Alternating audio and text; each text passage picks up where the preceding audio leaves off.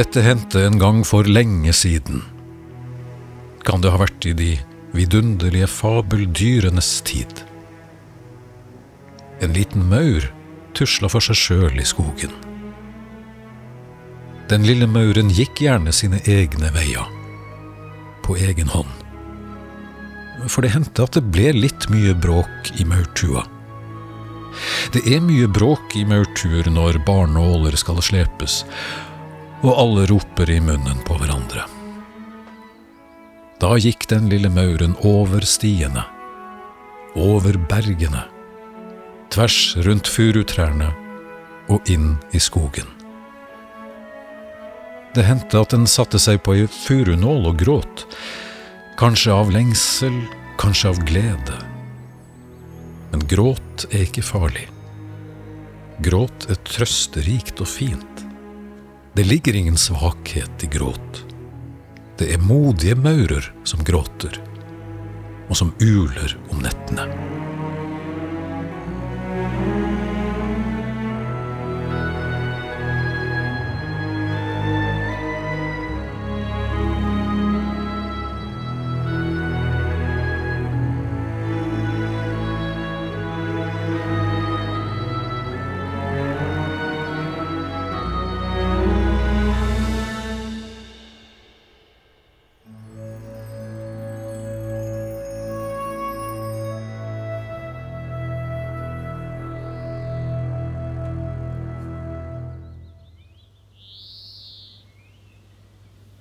En gang hadde mauren sett en larve som fløy over trærne i en rød ballong.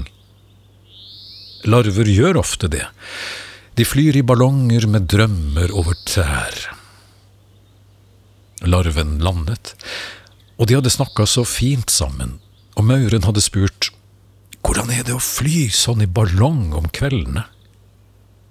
Larven svarte det er ganske morsomt særlig når sønnavinden byr til luftvals ved midnatt. Du burde prøve det en gang. Vil du forresten være vennen min? Å ja, gjerne, svarte mauren.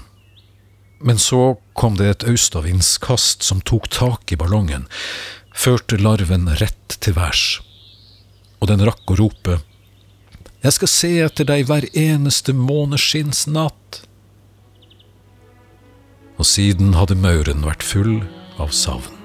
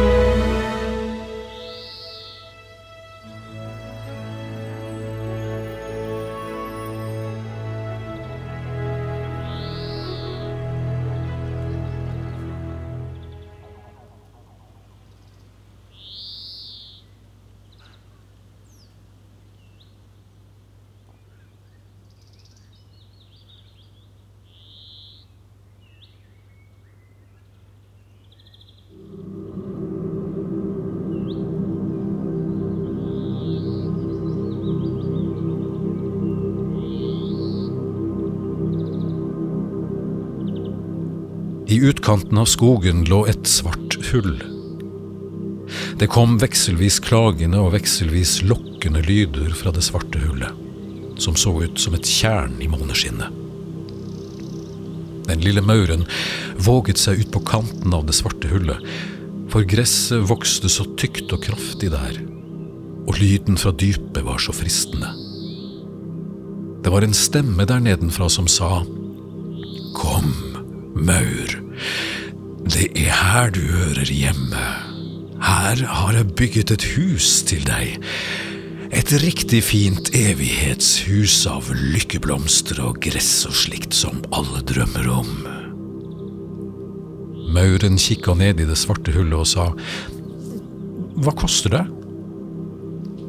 Det svarte hullet svarte, Leien skal vi alltid bli enige om, og det er masse flittige maur her nede som du kan arbeide sammen med. Kom da, kom. Og det sto en vind opp fra det svarte hullet. Det lukta hjemmekjært av gran, kvister og barnåler, men det var også en annen lukt der, og mauren kjente seg svimmel og rar av den andre lukten som ble sterkere og sterkere.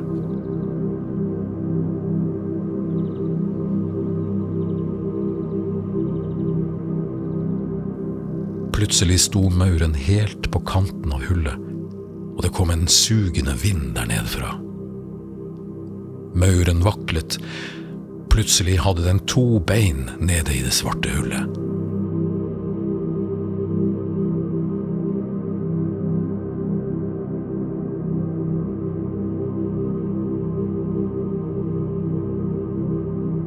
Men brått hørte mauren en stemme rett over seg. Ikke dra! Ikke dra ned dit! Hold fast! Se, jeg kommer med ballong! Ta tak i meg, så flyr vi høyt over tretoppene! Ikke dra fra meg!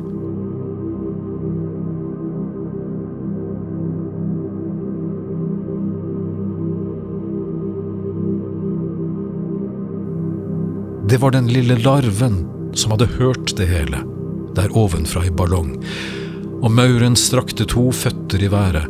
Larven tok tak og halte mauren opp mot ballongen. Og de to vennene holdt fast i hverandre, mens den røde ballongen fløy høyere og høyere i den milde sommervinden.